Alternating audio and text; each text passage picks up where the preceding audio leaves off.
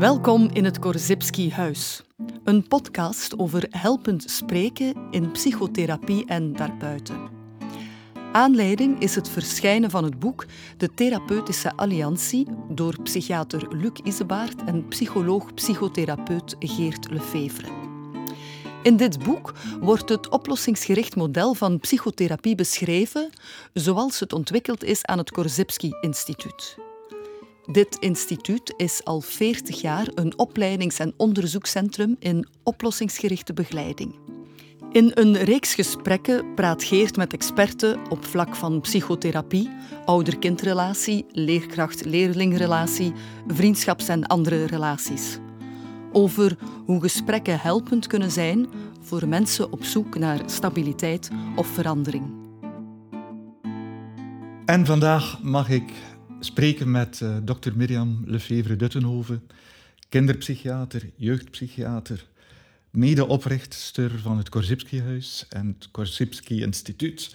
Hm. En in die hoedanigheid ook een beetje de moeder van het uh, Korzybski-instituut, hm. waar we binnen het instituut alleen maar heel blij kunnen om zijn. Hm. Dankjewel Mirjam om uh, mee vorm te geven aan deze podcast rond helpend spreken en de therapeutische alliantie waar we in ons werk toch heel vaak mee geconfronteerd worden. Mhm.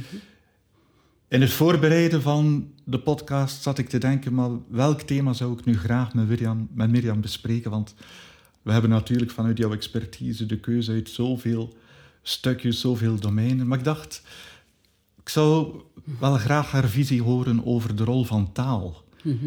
in ons helpend spreken. Mhm. En de rol van taal in het creëren van die therapeutische alliantie. En de voor- en nadelen en de mogelijkheden en de onmogelijkheden. Dus heel erg bedankt om dit te willen doen. Mhm. En ik zie er naar uit om hier drie kwartier samen te mogen spreken.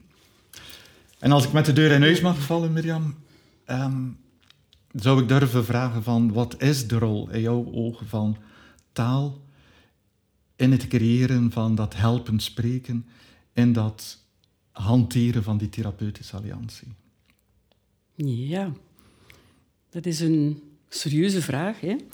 Uh, en taal, en effet, taal is iets... Je zou kunnen zeggen, dat is ons belangrijkste werkinstrument, hè, taal. Mm hè? We, zeggen altijd... Uh, men noemt het soms gesprekstherapie.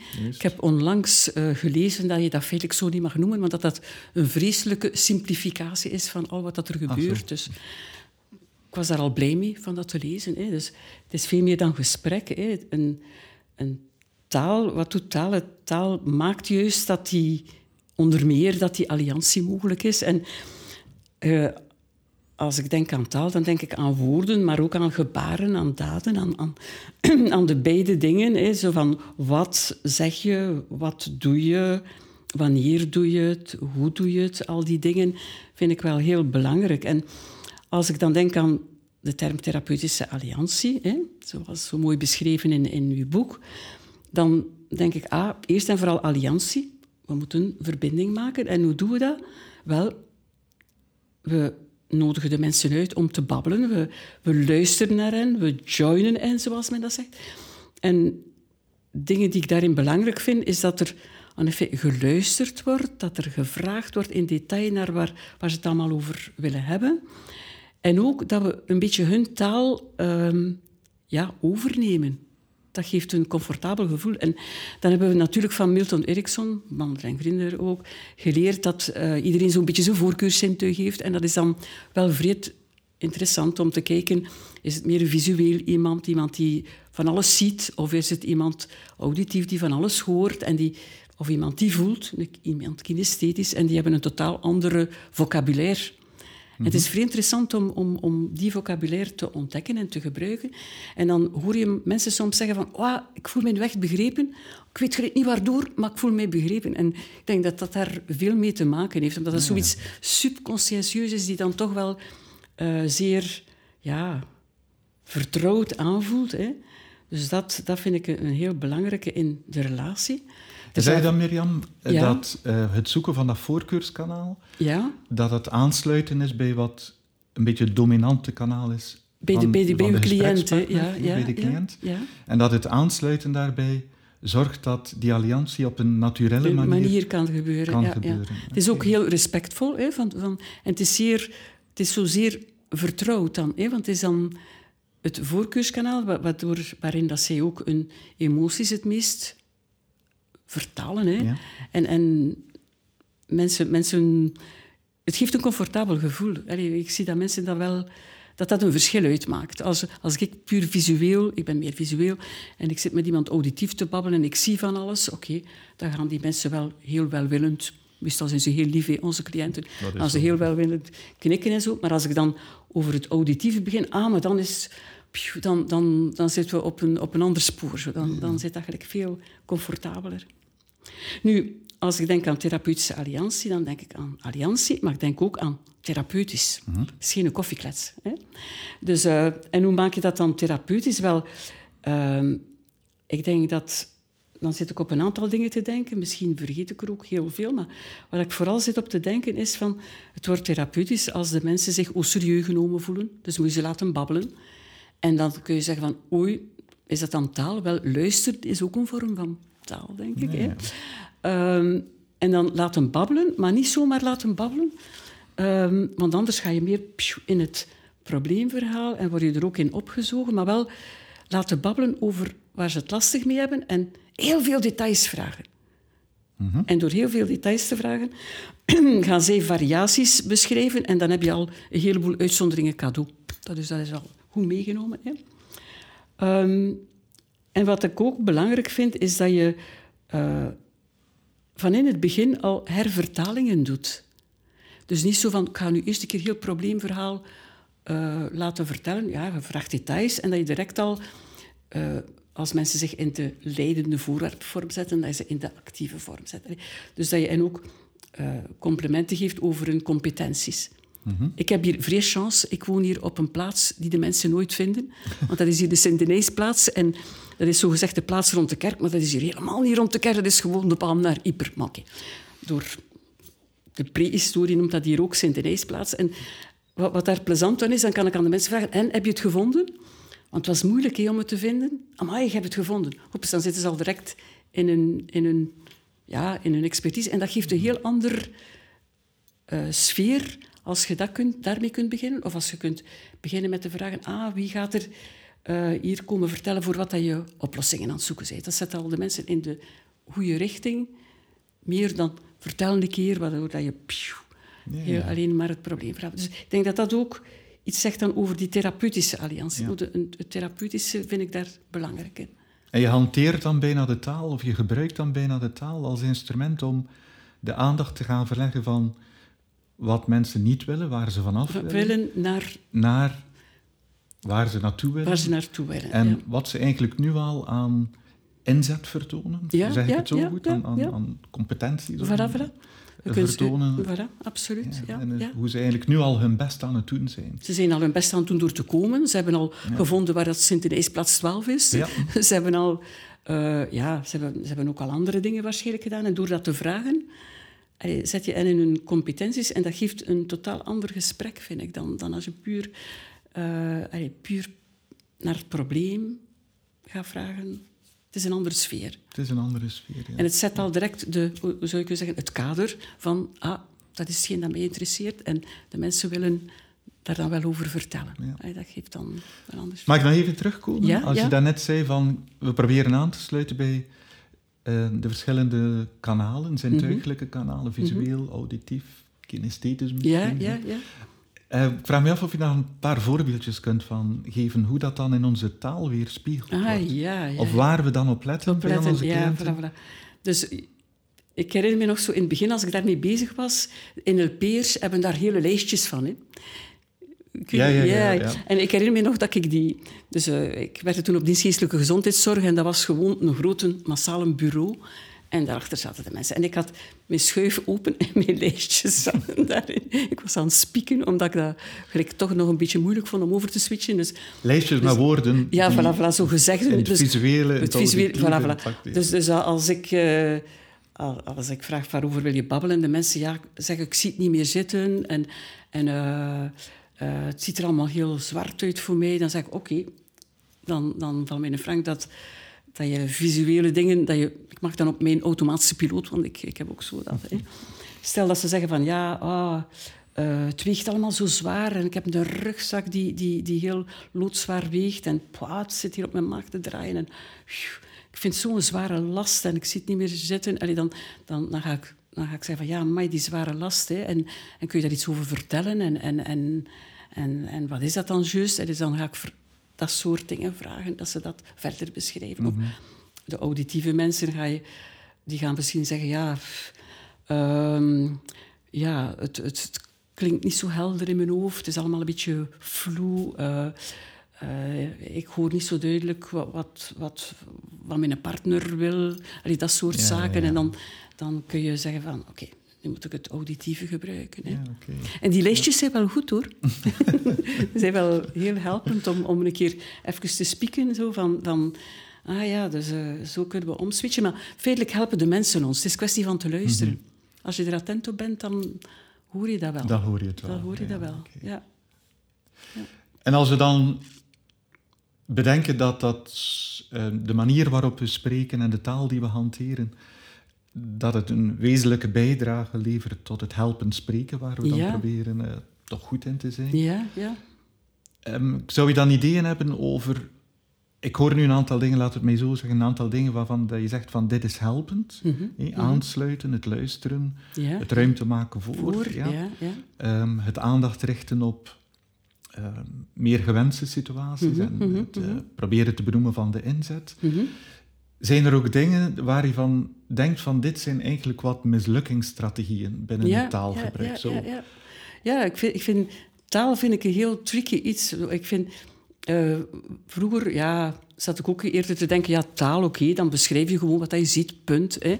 En daarmee is de kous af, een beetje Aristoteles-achtig. Hè. Uh, totdat ik in het Korzybski kwam en, en, en dat men na het eerste jaar Korzybski-opleiding, dat lukte non-Aristotelian community zegt. En dan dacht ik van, oei, dat is al niet juist, hè, wat dat Aristoteles zegt. En, dan blijkt dat, dat, ja, dat we leren dat taal niet zozeer de werkelijkheid beschrijft, maar eerder de werkelijkheid creëert. En dat vind ik wel heel straf. Hè? Dus, en, en als ik Bandler en Grinder lees, dan zeggen ze... Nee, het creëert niet de werkelijkheid, het creëert een soort perceptie van de werkelijkheid. Een vorm van perceptie van de werkelijkheid. Dus, dus dan denk je van, oei, wat doen we met taal? Hè? Mhm. dus, en dan zie je dat taal toch heel, uh, heel wat valstrikken kan inhouden.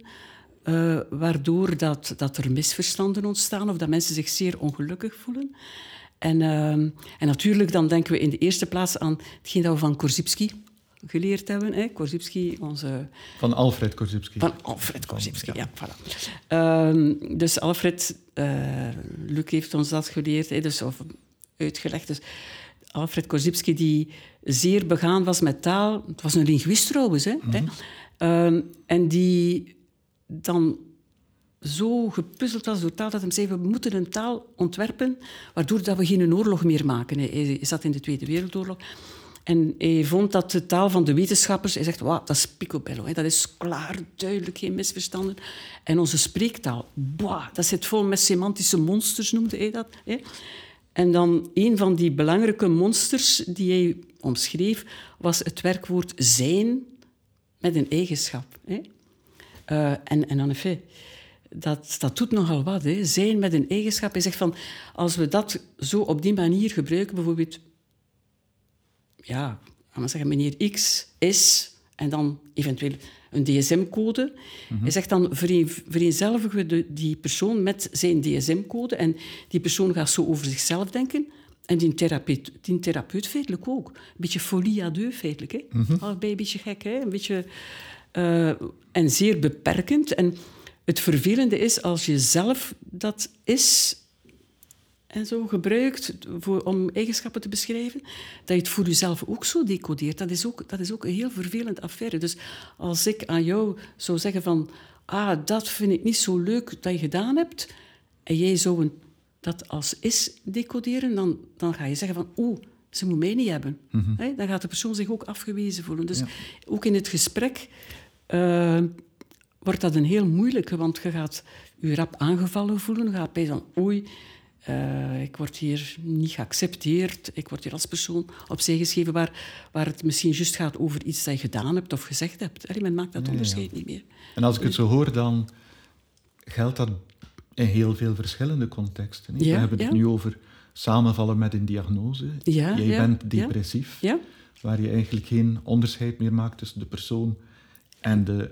Het label eigenschappen van, van het label. Van het label, ja. Ik kan me ook voorstellen dat dat ook in een leercontext bijvoorbeeld, in een school, ja, ja, als je denkt over een leerling van, of spreekt over een leerling van die is lui. Voilà, absoluut, absoluut. dat het samen, daar samenvalt. Maar ik kan me ook voorstellen als ouder, uh, als je zegt, jij bent stout. Ja, ja, ja absoluut, absoluut. Onschuldig het ook, ook is, hoe, maar ook daar... Dat dat zo, ja, ik, ik heb zo toch een paar situaties ook uh, meegemaakt van, van jonge kinderen die dat zeer ja, letterlijk nemen. Mhm. En die dan het gevoel hebben van ik kan geen goede dochter of geen goede zoon zijn voor mijn, voor mijn ouders. Hè. Uh, en, en waar dat de ouders met de beste bedoelingen dan misschien denken van pedagogisch juiste dingen te doen door te zeggen jij zijt stout of jij, jij zijt lui of jij zijt onbeleefd of dat soort dingen. Maar dat is zo massaal dat, dat, uh, ja, oh, dat, dat, dat, daar is ook niks aan te doen. Het is zo precies of dat het werkwoord zijn dan die eigenschap tot een, ah, hetgeen dat noemen een intrinsieke eigenschap van de mensen maakt. Hè? Zo van, voilà, je bent ermee geboren en je zit met gebakken peren. Hè? Je moet het er maar mee doen, hè? als een soort beperking. Hè? En dan begreep ik ook wat je daar net zei, of denk ik te begrijpen tenminste, wat je daar net zei, dat het ook de realiteit zal gaan creëren. Ja, ja. Dat als je zegt, jij bent onbeliefd, dan zal je ook geneigd zijn om alles te zien als een bewijs van het onbeliefd voilà, voilà, voilà. En waarschijnlijk een beetje blind zijn voor de momenten waarop dat niet is. Dat of, niet is, voilà. die momentjes dat er wel beleefdheid is. Voilà, absoluut, absoluut. Wat ik onthouden heb, en, en uh, ken me dat Luc daar nogal allee, daar heel erg op is, is echt, soms heeft dat zelfs het effect van een gebod bijna. Van, je mhm. een stoten, je bent de stoten van de familie, het stoute kind, dan, dat, dat die rol bijna dat kinderen dat gaan detecteren als een soort opdracht bijna van ik ben de stoute, dus haha, ik, doe, allez, ik kan toch niet anders, ik doe dat. Hè. Dus dat het zo'n imperatief effect kan hebben. Uh, en ja, dat mensen zich ja, we gaan identificeren met dat label. Hè. Ja, ja. Wat we toch wel vaker horen hè, van mensen die absoluut op later leeftijd dan vertellen van ik heb altijd gehoord als dat, kind voilà, dat. Absoluut. Je bent stout, je bent dit. Dat dat blijft, de boodschap is, uh, absoluut. is geworden. Dat blijft plakken, hè. Dat blijft plakken, absoluut. Ja. ja. Dus dat is absoluut een eerste valkuil met de taal. Hè? Dat ja, we absoluut, de taal gaan gebruiken als een reductie van de realiteit. Van de, realiteit, de reductie van, van onze cliënten. Ja, ja. Ik zit nog te denken aan een ander um, gevaar in mijn ogen, mm is de hoeveelheid taal die we gebruiken, de, de, hoeveelheid woorden die we gebruiken. En waar ik soms het gevoel heb als behandelaar mhm. dat we daar toch een beetje in de valkuil trappen van heel erg overtuigend te willen zijn. ah met, ja, uh, zo op die manier. Ja, met veel animo iets willen duidelijk maken, maar ons ook dreigen wat te verliezen in de hoeveelheid van, van woorden. Ja, ja. Herken je dat op een of andere manier? Ja, ja. Zo, zoiets van bedoel je dan van dat we dan even in de expertenrol gaan zitten? Bijvoorbeeld, ja. En dan gaan dingen uitleggen en met veel overtuiging. En de mensen moeten dat dan... Je wordt verondersteld dat de mensen dat dan maar accepteren. Hè? Dus, dus, wat, wat feitelijk een beetje vloeken is tegen solution focus, denk ik. Omdat we er daar juist van uitgaan dat mensen zelf hun eigen... Hetgeen dat we dan noemen autopoëtische capaciteiten hebben, die uniek zijn. Mhm. En waar wij onze waarheid niet moeten tegenaan gooien. Hè? Dus, dus dan... dan uh, zeggen we feitelijk, maar mijn waarheid, mijn manier van bekijken, mijn interpretaties, dat zijn de goede. Impliciet die van u, hm, hm, ja. dat is niet zo tenderend goed. Hè? Ja. ja. Maar, of is het nog op andere dingen dat je ook denkt? Of als je denkt aan de hoeveelheid. Ja? Denk zeker daaraan. Denk ook wel aan het uh, gegeven dat we een beetje weten uit mensen die daar onderzoek naar gedaan hebben, dat um, onze woorden nogal wat impact hebben. Mm -hmm. En dat die boodschappen die vaak in hetgeen zitten wat wij zeggen, dat dat niet zo snel binnenkomt. En ik kan me daar iets bij voorstellen. Als mhm. jij iets belangrijks tegen mij zegt, dan heeft dat eventjes tijd nodig. Om, om te bezinken. Voordat of, ik ja, ja, ja. door heb, wat, wat bedoelt Mirjam, wat zou Mirjam daarmee mm bedoelen. Mhm. En als daar heel snel veel andere woorden nakomen, dan verlies ik ook het contact met jou. Ja, Dan ben ik in mijn eigen hoofd bezig Mhm, mhm. Met mijn eigen bedenkingen te maken en ben ik eigenlijk niet meer aan het luisteren echt naar wat er daarna komt. Wat zeggen. Ja, oké, oké, absoluut, absoluut. Zeker, zeker. Zeker als het, je zou kunnen zeggen, als er nieuwe informatie binnenkomt, dan vraagt dat tijd om, om daar iets mee te doen en om daar uw dingen uit te distilleren. En als we dan te veel willen beleren of, of te veel willen vertellen, oké, ja, ik geloof u. Ja. Mhm. Ja. Wa- Waar ik ook nog zat op te denken, eh, op, eh, zo van taal, hè, maar dat zijn natuurlijk de, de zaken die, die gekend zijn. Eh, de dingen die we van Bandler en Grinder geleerd hebben, zo...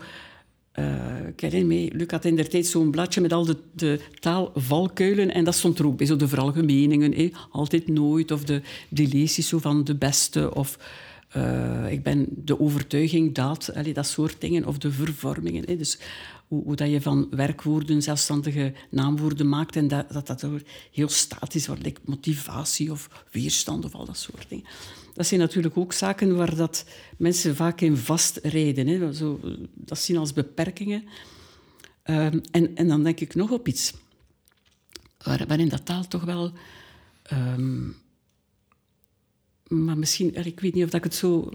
Of, of dat ik het hier kan zeggen. ehm, ehm, bijvoorbeeld als, als we willen empathisch zijn met mensen en, en we, vragen, mensen, we vragen hoe dat is en ze zeggen, ah, ik voel me niet goed. Hè.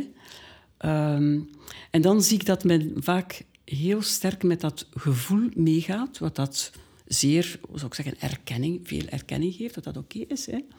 Maar dat men het daarbij laat, bij dat gevoel alleen. Hè. En dat noem ik, een beetje met een, een cru woord, victimiserende empathie. Dat is Oei. zoiets van, oh god, oh arm. Allee, ik bedoel, dus dan, dat is een, een vorm van empathie waar dat je meegaat met het moeilijke gevoel. En door alleen maar dat te doen, door het daarbij te houden, geeft je de impliciete boodschap, vrees ik, van... Maar, oh god, toch arme toch, sukkel. Ja. Hè? En als je dan kunt zeggen van, amai, zo'n moeilijk gevoel, en dat tegen wat protesteert dat, dat is dan al iets anders. Hè? Of als je kunt zeggen van, en, en wat doe je dan? Dan zit je op een heel ander spoor. Dan is het, je doet bepaalde dingen, impliciet, je kunt ook andere dingen doen. Dan kun je weer, dat is zo een, een totaal andere soort empathie, die ook aansluit bij hetgeen dat er bij de mensen is, wat dat er gezegd wordt, wat dat er gevoeld wordt, wat dat er gedaan wordt. Alleen op een manier dat, je er, dat mensen terug zeggen van oké, ik doe dan dingen en dus kunnen ze andere dingen doen. En ik vind dat een heel belangrijke. Ja. Maar ik weet niet En dan zou ik het zo eh, een beetje vertalen, als ik het goed vertaal dan, dat als je enkel bij het verhaal en de, het leed van de cliënt blijft en ja. aansluit bij dat gevoel, Mhm. dat er dan geen nieuwe informatie Ja, aanwezig is. ja, ja, absoluut. En dat eigenlijk het proberen toe te voegen van nieuwe woorden, Mhm, mhm. actiewoorden, Ja, hoe, ja. hoe heeft jou dat geholpen tot nu toe? Ja. Of hoe doe je dat? Dat precies in die nieuwe woorden nieuwe mogelijkheden. Voilà, ontstaan. voilà. Zeg ik dat goed? Ja, absoluut. absoluut. En, en ik denk dat dat zo'n belangrijk iets is. En dat is juist, denk ik, de, een beetje de, de kracht van het solution focus, denk ik. hè. Dus dat door kleine nuances aan te brengen, gaat het van het alles of niets naar meer genuanceerd. Gaat het van het voelen naar het doen. Gaat het van het leidend voorwerp naar het onderwerp zijn van je leven. Hè. En, en dat is toch wel een belangrijk Een je- wezenlijk verschil natuurlijk. een wezenlijk verschil. hè. Dus dat je in plaats van de falende, degene zij die doet en die aan het zoeken is en die misschien al een stukje oplossingen hebt, maar een beetje met ambetante kantjes, je gevoel. Hè. Je gevoel die dan ook gevaloriseerd wordt als nuttige bodyguards, als nuttige alarmsignalen. Het is niet, je gevoel is niet iets van zwakke zenuwen. Nee, je gevoelens, dat is iets vreed nuttigs. Dat is je brandalarm. Dat is hetgeen dat u wakker schudt om te kijken van, van loopt hier iets moeilijks, hoe kan ik het in de plaats doen of wat is mijn survival? Ja. Dus dat is iets heel nuttigs. En dan zit je meer op het doe-aspect. En dat doet me dan vrij denken aan de discussie die er was binnen het Milwaukee Instituut bij Steve de Chaser. eh, met, met wie was het weer? Dus Steve die in conflict was met een vrouwelijke medewerkster. Wie was het weer? Ehm, Yves? nee, nee, nee, nee. Steve met... En waarom, waarover Het was, het was een discussie over... Je spreekt niet over gevoel. Steve Ah, met wou- Yves Lipchik. Ja, ja, met Ja. Yves, ja, voilà, Yves, toch? Ja, oké. Dus uh, hij wou niet over gevoel spreken, omdat hij zei van ja, aan gevoel kun je toch niets doen. En ik wil alleen maar werken met iets waarmee je iets kunt doen. En dan zo de, het artikel van Yves Lipchik, die dan over gevoel spreekt, maar die dan op de kortste keren komt tot... En wat doe je dan? Dan dacht ik van... Felix is het zelf aan het zeggen. Alleen, het gevoel mag je ook valoriseren. Alleen Absoluut, mag je het daar niet bij houden. Hè? Ook dat is een van de kanalen waar onze cliënten in spreken natuurlijk. Het, het gevoelskanaal. Ja, ja absoluut. absoluut. En, en het is niet omdat er over gevoel gebabbeld wordt dat je moet zeggen, van, dat interesseert mij niet. Dat zei Steve dan, dat interesseert mij. Dat is dan een beetje kort door de bocht. Hè. Door dat uh, serieus te pakken en dan te kijken wat ze doen, dan pak je terug je draai en zet je ze terug in de onderwerpvorm van hun leven en niet in de leidende vorm. In de leidende vorm. Ja. Mirjam, ik zou toch ook eventjes willen appelleren aan jouw kind- en jeugdpsychiatrische expertise mhm, mhm. als het gaat over spreken met jongeren. Ja, ja, ja. Waarvan we toch allemaal weten dat die soms een eigen taal hebben. Mhm, ja. Die hoort bij een bepaalde generatie. En dat die taal door heen verschillende generaties ook evolueert en verandert. Ja. Ja. En dan denk ik, al wat we hier tot nu toe gezegd hebben, wordt dan misschien net wat moeilijker om aan te sluiten bij een taal die vaak onze taal niet meer is. Ja, absoluut. absoluut. Wetende dat we toch al een paar generaties achter ons gelaten ja, hebben. zeg dat wel, ja. Um, ja. Hoe ga je daarmee om? of zeg je van, nee, eigenlijk kunnen alleen jonge mensen spreken met jonge mensen. Ik bedoel dan mm -hmm. jongere therapeuten met jonge mensen. Wel, um, het is niet mijn ervaring. Maar misschien durven ze het mij niet zeggen. Hè? okay. nee, maar als ik denk aan, aan, de hele kleine kinderen, zo de lagere schoolkinderen. Um, een van de opmerkingen in de modules kinderen is vaak... Ah, maar, maar die benadering, dat solution focus, dat is zo talig. En die kleine kindjes die kunnen nog niet weg met taal. Mhm. En dan las ik onder, onder andere onder, uh, onlangs een artikeltje over taal en taalontwikkeling. En dan bleken kinderen vanaf de vierde dag gevoelig voor taal. Vanaf de vierde levensdag? Vanaf de vierde levensdag. Dat is ze formidabel, hè? Ja. Dus zijn ze al gevoelig voor het muziekje van de taal van hun mama. Hè? Mhm. En dus met kleine kinderen, zeker voor de lagere schoolleeftijd, dan...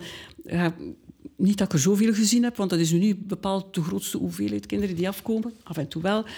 Maar uh, dan zie ik ze samen met hun ouders. En dan ga ik aan de ouders vragen van van, van waar, waar ze mee zitten. En, en dan wordt er met de ouders gekeken van wat dat er een hoopvol alternatief is of, of wat, wat dat al beter gaat. En dan gaan die ouders op een andere manier spreken en dan horen die kinderen dat en dan zijn ze daarmee mee. Allee, dus langs de ouders kun je dan vind ik met de kinderen wel veel doen door aan de ouders te vragen hoe dat zij het doen, hoe dat, wat dat er beter, wanneer dat beter gaat, hoe, hoe dat, dat dan juist is en dat soort zaken. Dus de andere het andere muziekje van hun taal werd ook bij hun kinderen. En dan zie je dat ook bij die kinderen. Die kinderen zijn zeer nieuwsgierig, hè? Die, willen, mhm. die, die luisteren naar hun ouders. En, en dan kun je met die kleine kindjes ook wel even babbelen en dan probeer je dat zo, ja, zo ja, verstaanbaar te doen. Hè? Trouwens, ik vind ook bij volwassenen moet je niet beginnen over van alle soorten moeilijke woorden. En zo, gelijk communicatie en ik weet niet wat, en boel, relatie en al dat soort boel, gewone woorden, gewoon babbelen, vind ik. Hè? Dus zo eenvoudig mogelijk. En als je ziet dat een kleine zo'n beetje raar kijkt, dan heb ik, vraag ik meestal aan de ouders van... Is dat ik niet goed kan duidelijk maken wat ik wil zeggen. Ga de hem een keer vertellen. En dan zitten de ouders weer in hun expertise als ouder. En, en dat, dat lukt heel goed. Hè? En ook in de lagere schoolleeftijd... Um, ik heb meestal, meestal de kinderen met hun ouders gezien.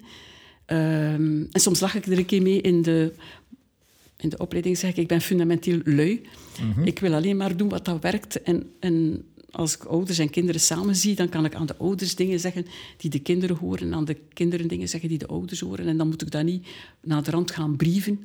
En dan uh, vind ik dat wel heel plezant. En dus bij lagere schoolkinderen is vooral de nieuwsgierigheid die, die, die dan uh, een grote rol speelt. Zij willen goed doen voor hun ouders. Dus, en dan stemt je, stemt je gewoon... Ik vind dat niet zo moeilijk. Je, je gesprek af op, op wat dat die kinderen zelf vertellen. Mm ik, wat ik niet ga doen, ik heb dat gelezen bij Milton Erickson en ik denk dat hem daar een punt heeft.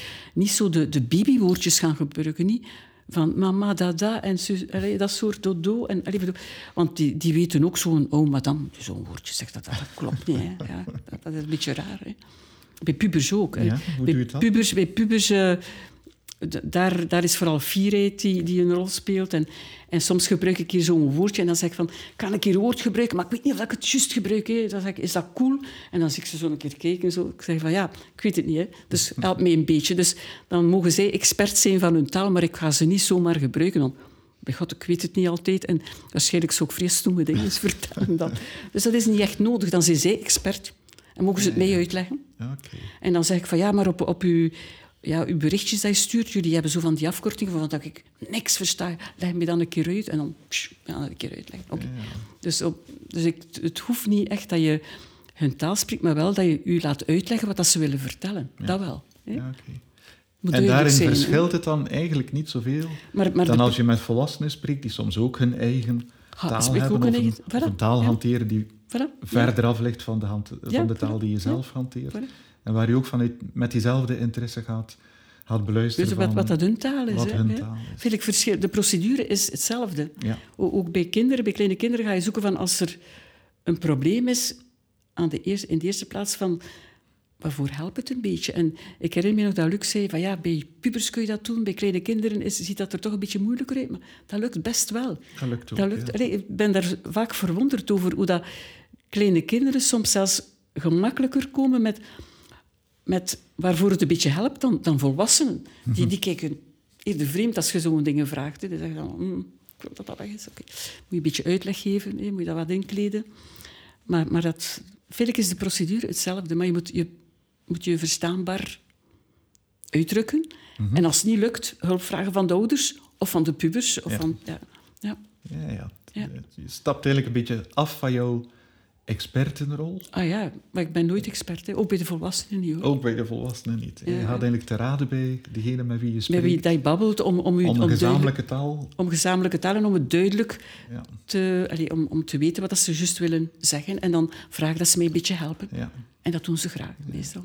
Ja. En dan denk ik ook altijd, misschien wel het belangrijkste wat ik daarin vind, is dat in het vragen van wat bedoel je, Ja, ja. dat ze zichzelf horen zeggen. Voilà, voilà. De uitnodiging die, die je zelf soms krijgt om duidelijk om te zeggen wat bedoel je bedoel en als je ja. daar zelf een antwoord op formuleert, Mhm. dan hoor je jezelf ook een antwoord formuleren dat vaak meer inhoudelijk Ja, rijk is dan Ja. wat je oorspronkelijk dacht gezegd te hebben. Absoluut, absoluut, absoluut. En door, doordat je het voordeel van het niet goed te begrijpen, hun taal, is dat ze nog meer details moeten vertellen over wat dat ze juist bedoelen. Dus het geeft hen nieuwe informatie. Oké, ja. Dat is dezelfde, hetzelfde dat we doen als we de hoe-vraag stellen. Hè? Ja, ja. Als mensen zeggen, we hebben dat gedaan, dan zegt dan, ah, ben nieuwsgierig, hoe doe je dat juist? Want dat lijkt me niet zo simpel. hè. Dus dat, die hoe-vraag is wel een heel nuttige vraag, denk ik. En vandaar dat... Dat is ook weer hoe dat we therapeutische taal gebruiken. Hè. We, wa- wat ik ergens... Ik weet niet wie dat, dat juist gezegd heeft. Ik denk... ha, was dat ook bij Eriksson dat we dat geleerd hebben? Ik weet het niet. Maar dat de vraag impliceert het antwoord. Dus de vragen die wij stellen, impliceren het antwoord die de mensen gaan geven. Dus, en ik denk dat Gilligan was in der tijd die zoiets zei van de vraag die je stelt impliceert de pathologie die je gaat behandelen. Dus wij dicteren de, bijna de pathologie door de vragen die we stellen. Ik vond dat wel een doordenkertje. Ik dacht van ja, we moeten dan toch wel verdorie goed opletten met welke vragen dat we stellen. Want iedere vraag heeft een suggestief Ja, iets. Hè? En, en dan denk ik aan Binder Davis, die zei van... Ik zit altijd te pijzen, als ik een vraag stel, welke boodschap wil ik erin steken? En dat vind ik een heel belangrijke. Weten dat een vraag niet zomaar een vraag is, dat je daar iedere keer een boodschap in steekt. En dat die boodschap een verschil maakt voor de mensen. ja. Maakt van de mensen een psychiatrische patiënt of iemand die moeilijkheden heeft en die oplossingen zoekt. Dat is een groot verschil, hè? En dan bijvoorbeeld als je dan een hoe-vraag stelt van hoe, hoe ben je erop gekomen Ja, of hoe heb je dat aangepakt, Gepakt, ja. Dan impliceert dat al dat iemand de mogelijkheid heeft om er iets, Om er iets, om iets mee te doen. en er voilà. al iets mee gedaan heeft. Voilà, voilà. En als die hoe-vraag komt van iemand die men ehm, ervaart als, en nu, nu klinkt dat misschien een beetje paradoxaal, als expert, want zo worden we toch door de mensen bekeken. Dat is hè? zo, dat is zo, hè? ja. Dus als dat eh, komt van een expert, dan heeft dat nog meer impact, want dan is het de expert die nieuwsgierig is naar de handleiding of de oplossingen die de cliënt al heeft. Dus dat is een, een, een vreed strafcompliment. Hè? En mensen gaan dat ook niet zo rap van de tafel gooien dan als je zegt, ah, goed gedaan. Dat is zoiets van, ja, poel, die moet complimentjes geven of zo. Of, of, of, of die is goed gezind of zo. Of, of ja, of, of, dat staat waarschijnlijk in haar script dat ze moet ja, maar zo... complimenten geven. En, en het, de gewone complimenten hebben ook zoiets top-downs, vind ik zo. Van, goed gedaan, manneke. Ja. Zo, dat soort. Allee, dus, dat is zo... Ik, ik voel me daar niet zo comfortabel mee, alleszins nu. Je, hebt liever, je lokt liever de zelfcomplimenten uit. De zelfcomplimenten zijn veel... Of de zelfvalorisaties. Valorisaties, ja, voilà, voilà. Dat, dat is iets dat, uh, dat mensen helpt nadenken over... Ah, verdorie, ik heb dat gekund. En ik weet eigenlijk niet goed hoe, nee. maar... Ah, kan ik een pezen hoe? Ze, ze, hebben niet altijd een antwoord daarop. Hè. Ja, ja, niet. Vaak, vaak hoor ik mensen zeggen van ja, maar we vragen dat, dat wel. Het komt daar geen antwoord op, dat is vervelend. Maar dat is niet erg, hè. Nee.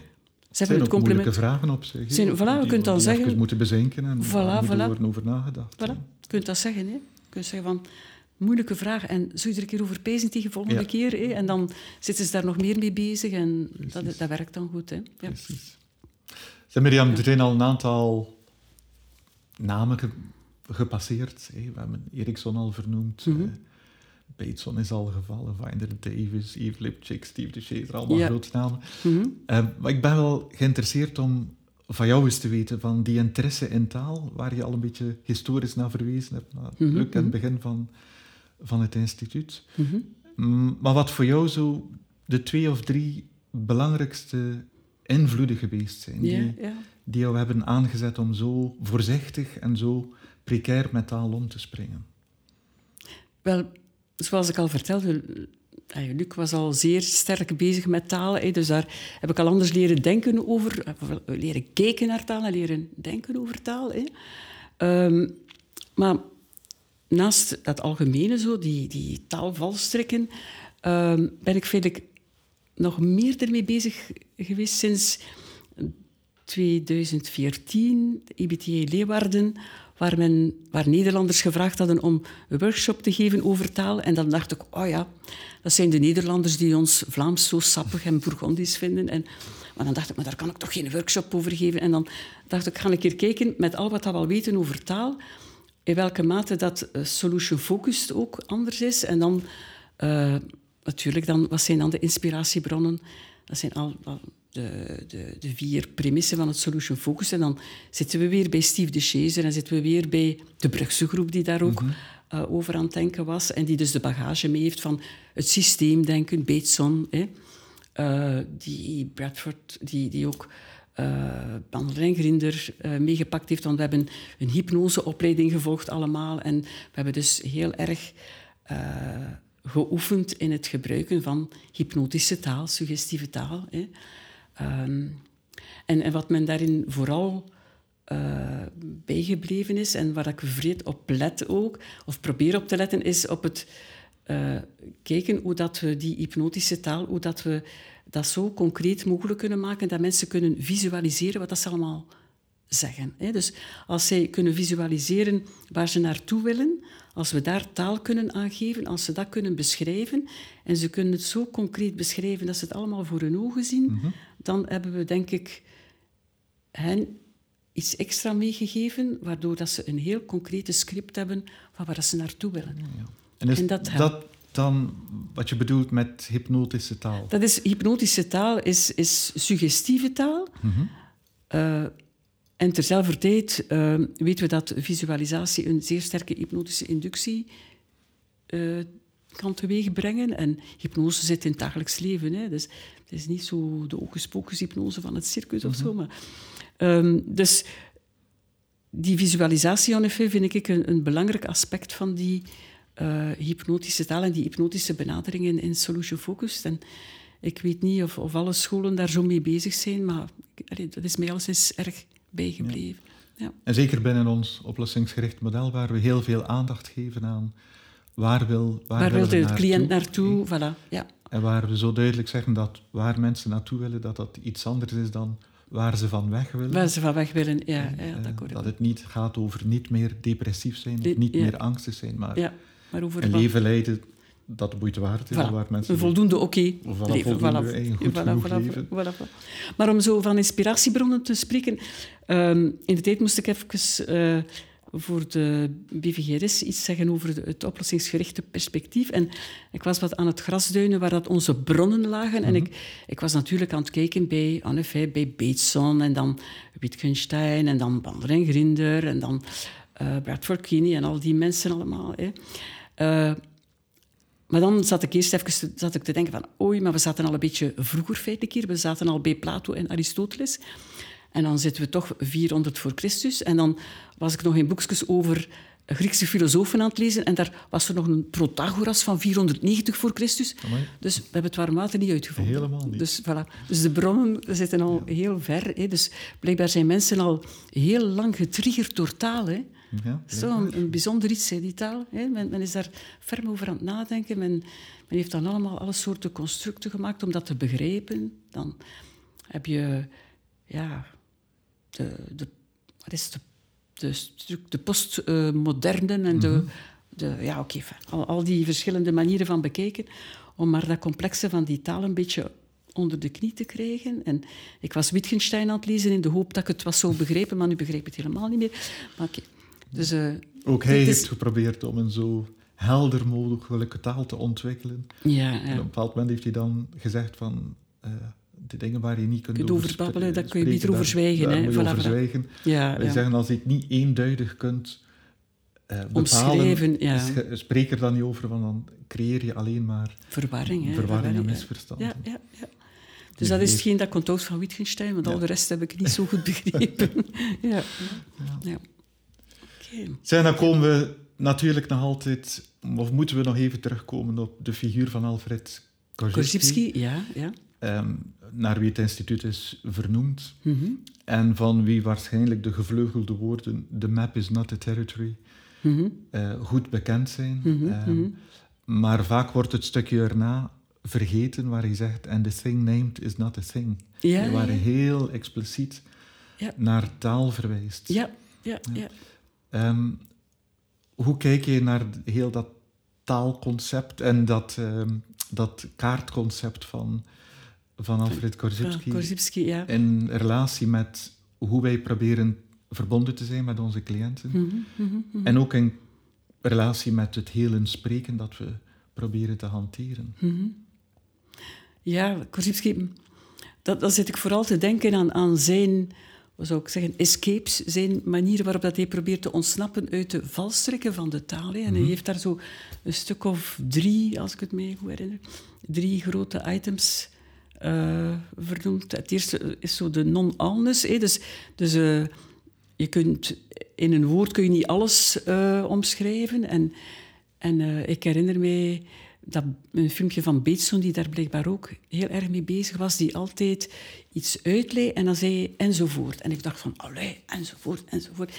Maar feitelijk wa- was die wel in die zin heel alert en wijs, dat hem duidelijk maakte van, ik zit hier dingen te vertellen, maar mm, het is toch maar fragmentarisch, het is nooit alles. Hè. Ehm, wat, leren we nog van Korzybski? Dat het woord en, ehm, en de persoon, of het woord en het, en het object niet samenvallen. Dat dat twee aparte dingen zijn. De Saussure was daar ook al mee bezig. Ja. Eh, dat is, Plato was daar ook al mee bezig, feitelijk. Hè? Ehm, dat dat twee aparte dingen zijn, dat we dat vooral niet moeten verwarren. Hè? Ehm, en dan wat ik ook eh, heel nuttig vind, zodat, dat die, die vaststelling dat de taal zeer zelfreflexief is. Hè? Dus dat we soms verschillende niveaus met elkaar verwarren. En eh, zijn voorbeeldje is... Meneer X, eh, Janssens, is een oorlogsmisdadiger. Dat hem zegt, ja, we hebben een persoon, we hebben een concept... En we maken er ene, ene nutsepot van. We, we, we, plakken het concept op de persoon, alsof dat, dat geen twee aparte dingen zijn. En ik vind dat wel een heel belangrijke. En dat doet mij denken aan zeer ehm, intense discussies in de tijd op de teams van dienstgeestelijke gezondheidszorg. Hè. was de tijd van Dutroux. En, eh, en dan hoor ik zo mensen zeggen, ja, maar een pedofiel, daar ga ik nooit therapie mee doen. Ja, dat is zoiets, hè. Hij is Ja. pedofiel, dus die persoon is niet anders dan pedofiel. Hè. Dus, dus eh, dan, dan zitten we weer met dat woordje is en een concept. Hè. Die twee aan elkaar plakken, dat blijkt toch wel echt een ja, een linguistisch monster te zijn met serieuze consequenties. Ja, ja. Dus eh, zoals Korzybski dat noemt. Ik denk dan ook altijd dat wij als mensen eh, gedoemd zijn om met kaarten te werken op de realiteit. Mhm, mhm. En dat moeilijkheden vaak ontstaan omdat kaarten botsen met elkaar. Mijn Ja. kaart, jouw kaart, Ja, en die ontmoeten ja. elkaar. Mhm, mhm. Als we met koppels spreken bijvoorbeeld, dan is het heel vaak. Ja. En dat doet me dat ook weer denken aan jouw bijzondere concept van de handleiding van, van de cliënt. Mhm, mhm. Als zijnde de kaart die de cliënt hanteert om zich te bewegen in de realiteit. Om, Mhm, om mhm. iets te maken van die overweldigende realiteit waar we Mhm. allemaal in, Ja, in leven. Is dat? Ja, dat ik dat zo zeg? Absoluut, absoluut. En ja, ik, ik was zo op die handleiding ge- gekomen omdat, ehm, omdat we... We weten wel, iedereen heeft zo zijn unieke manier van, van dingen oplossen. Hè. Ehm, en maar, maar van dingen oplossen, maar ook van in de realiteit staan. Allee, Meer dan alleen van dingen oplossen. We hebben, we hebben allemaal een aparte handleiding. En hetgeen dat mij daartoe aan het denken gezet heeft, is hetgeen dat we geleerd hebben van Maturana en Varela. Ik weet niet of dat je dat nog weet. Dus, dus die daar zegt van, oké, je, hebt, je hebt een persoon, hè, je hebt zijn neurologisch circuit, je hebt hetgeen er binnenkomt langs zijn zintuigen, maar er is geen rechtstreeks verband tussen de prikkels die daar in die zintuigen geproduceerd worden en de prikkels die opgevangen worden in je neurologisch circuit. Daar is geen rechtstreeks verband. Die prikkels geven seintjes door naar daar, maar er is geen, geen rechtstreekse connectie. Dus iedereen decodeert volgens zijn eigen realiteit. Ik, vond, ik vind dat wel zeer helpend om me niet te veel verongelijkt te voelen als ik totaal andere dingen hoor. Of, of eh, als, allee, ook helpend als, als koppels dat, dat weten van elkaar, dat ze elk volgens hun eigen neurologie dingen decoderen. En, en dat we vrij lang kunnen discussiëren of dat, dat bruin is of beige of ik weet niet wat. Hè. Dus, maar dat dat voor iedereen toch verschillend is, dat, dat maakt dat bepaalde discussies minder nodig zijn. Hè. Ja. En, en meer nog zelfs, dus ook ons voorkeurszintuig speelt daarin een rol. Hè? Allee, ja? vaak, vaak zie je... Ik, dat doet mij zo denken aan, aan een koppeltherapie. Ik ver- vertel dat vaak in de opleidingen ook, omdat dat zo bijgebleven is, zo'n koppeltherapie. Dat was een, een zeer visuele mevrouw en een, een zeer kinesthetische man. Hè? En die man... eh, als hij thuis kwam, altijd een grote knuffel geven aan zijn vrouw. En, en die vrouw had, had zo haar huis heel netjes mooi gemaakt. En die, op den duur werd hij zo boos. En die kwamen bij mij als zeggen van, als onze laatste dingen, we gaan nu nog even relatietherapie doen, maar anders is het stop, we gaan met elkaar. Hè. Wat was de, het grote probleem? De vrouw maakte haar huis heel mooi, had al, ik weet niet hoe dikwijls aan haar man gevraagd, hang eerst uw jas aan de kapstok, geef mij dan een knuffel. Eh, of hang uw jas aan de kapstok. Niet eerst hang uw jas aan de kapstok, geef mij dan een knuffel. En die man vond dat hij eerst moest een knuffel geven en dan zijn jas aan de kapstok. Hè. En dus eh, waren ze op den duur zeer gefrustreerd. Zei de vrouw, ja, dat is echt jennen dat hij doet. Hij durft mij een knuffel geven. Hè. Eh, en die man zei, amai, mijn vrouw vroeger zo'n levendige madame en nu frigide, dat ze wordt vanaf dat ze mee ziet komen, is van, oh. Hè, Dus gewoon niet weten dat dat, dat voorkeurszintuig daar een rol speelt. En soms vertalen in mekaars voorkeurszintuig is al een echtpaartherapie. Ja. En dan zie je die kaarten die ze de kaart- hanteren, voilà. clashen met elkaar. Voilà, voilà, ze clashen met elkaar. Gewoon, gewoon op basis van iets puur biologisch, waar dat er ja, geen goed of slecht Ja. aan is. Hè. En ik vond dat wel heel merkwaardig. Dat, dat ook in, in alle dagelijkse dingen, dat die handleiding zo bepalend is. Hè. En dat het goed is dat je dat weet. Hè. Dat allemaal. En dat zich dat weerspiegelt ook in de taal die we dat weerspiegelt zich in, gebruiken. in En de dat wij taal. als Ja, hulpverleners, als ouders, als leerkrachten, als Absoluut. geïnteresseerden, absoluut. Via die taal toegang kunnen krijgen tot die, Tot die hele unieke ja. handleiding. Ja, ja. Ja, als we maar de interesse kunnen opbrengen. Als we maar interesse kunnen... En dus die not knowing is niet zomaar een pose. hè. We weten het echt niet. Hè. Ja. We moeten het vragen en, en luisteren. En, en een En beetje misschien wordt het wel detectieve... gevaarlijk op het moment dat we denken dat we het weten. Ha, dat is gevaarlijk, ja. We moeten een beetje detectieve blijven en weten dat we het niet weten. hè. absoluut. En, en dat maakt het ook zo boeiend, hè. Want het is voor iedereen anders. Geen twee dezelfde. Geen tweede zelfde. Mirjam, ik ben alweer blij dat we hier hebben kunnen spreken. Ik Mhm. denk dat jouw visie op taal en hoe dat heel erg vervlochten zit in ons menselijk zijn, dat we ook talige wezens zijn. Mhm, mhm. Ehm, ja, dat blijft een hele boeiende manier om er naar te kijken. Ik ben ook blij dat je helemaal in het begin verteld hebt, dat het gaat over de woorden, maar dat het ook gaat over de houding. Over de houding, ja. En ja, dat, en dat ook dat spreken is. Ja, absoluut. Ja, en dat helpen spreken ook daarmee te maken zal absoluut, hebben. absoluut. Niet alleen met de woorden. Absoluut, absoluut. En zeker bij kinderen, dat heb ik misschien nog vergeten te zeggen. Hè. Dus bij kinderen ga je, ga je misschien nog rapper die, dat soort dingen gebruiken. Ga je misschien rondlopen met hen.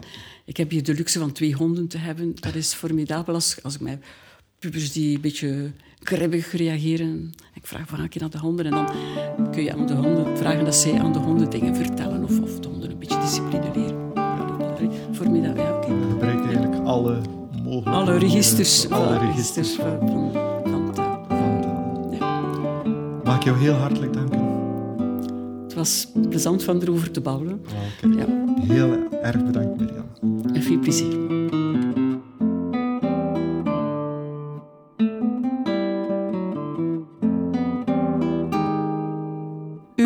Luisterde naar een podcast van het Korzybski Huis. Reageren kan via het.